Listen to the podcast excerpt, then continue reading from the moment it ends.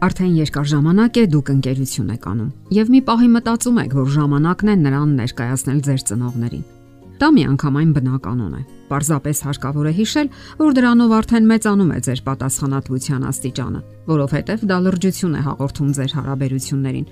Ընդ որում գաղտնիք չէ, որ դա որոշակի պատասխանատվություն է հատկապես աղջիկների համար։ Հարցի մյուս կողմն այն է, թե ինչպես եք ներկայացնում ձեր ընկերոջը եւ ինչ հակազդեցություն կլինի ձեր ծնողների կողմից։ Դուք իհարկե անհանգստանում եք, կհասկանան այնպես, ինչպես դուք եք հասկանում նրան։ Դուք նրան գեղեցիկ եք տեսնում, սակայն դիմացիները, ձեզ համար սիրելի անznավորությունները կարող են այլ կարծիք ունենալ։ Նույնը վերաբերում է բնավորության գծերին։ Մինչ դուք գտնում եք, որ նա խելացի է, համբերատար, հանդուրժող, կիրթ,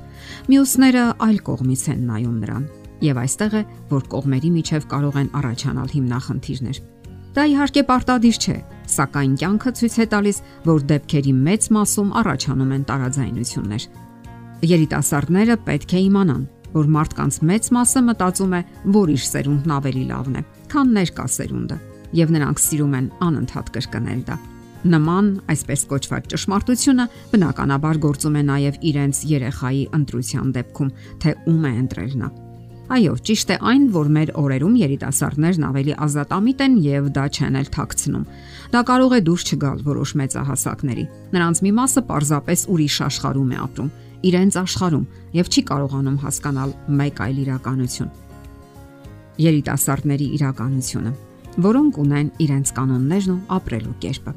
Լավ է դա թե վատ, հարցի մյուս կողմն է Սակայն բոլոր դեպքերում դա իրենց կյանքն է եւ հարկավոր է թե համակերպվել եւ թե պահպանել բարի ու հարգալից վերաբերմունք։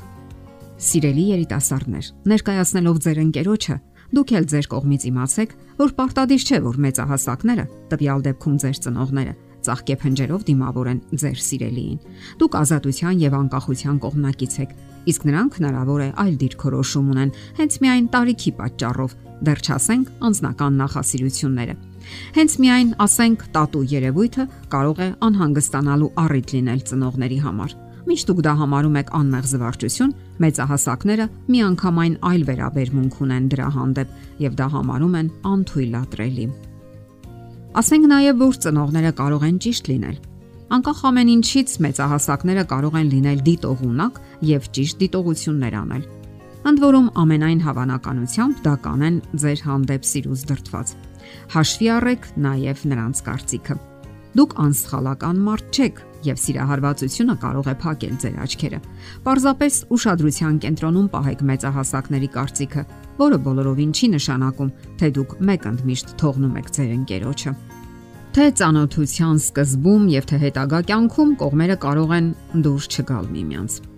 Ի նկատի ունեմ երիտասարդներն ու ծնողները։ Ծնողներին կարող է դուր չգալ երիտասարդի խոսելաձևը, ծիծաղը, մարմնի շարժումները, ուտելու կերպը կամ նրա հագուստները։ Չասենք ավելի խոր, ավելի նուրբ պահերի մասին։ Սա եւս բնական է, որովհետեւ երկու միանման մարդ գոյություն չունի եւ կողմերը պարտավոր են ընդունել դա։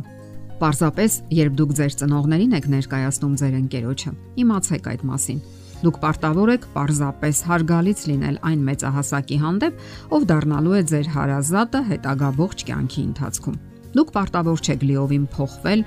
ձեր ընկերոջ ծնողներին դուր գալու համար, սակայն պարտավոր եք պահպանել համակեցության կանոնները։ Դա հարգանք է նրա մարդկային կերպը ընդունելը եւ հարգելն ու հաշտ ապրելը։ Դա հատկապես կարեւոր է այն դեպքում, երբ հարկադրված եք ապրել միևնույն հարկի տակ։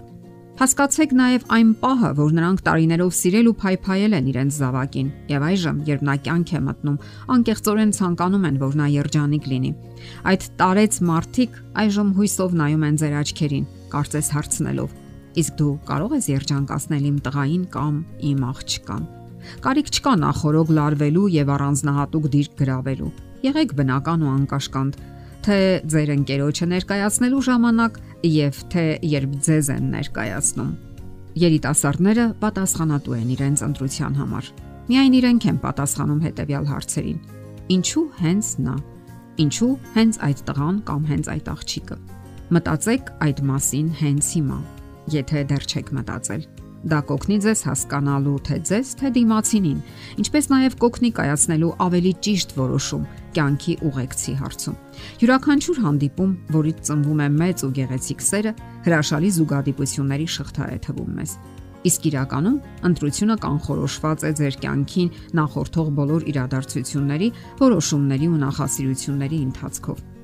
Իհարկե հնարավոր են սխալներ, որովհետև ոչ մեկը ապահովագրված չէ սխալ ընտրությունից։ Պարզապես պատրաստ եղեք նաև լուրջ զրույցների։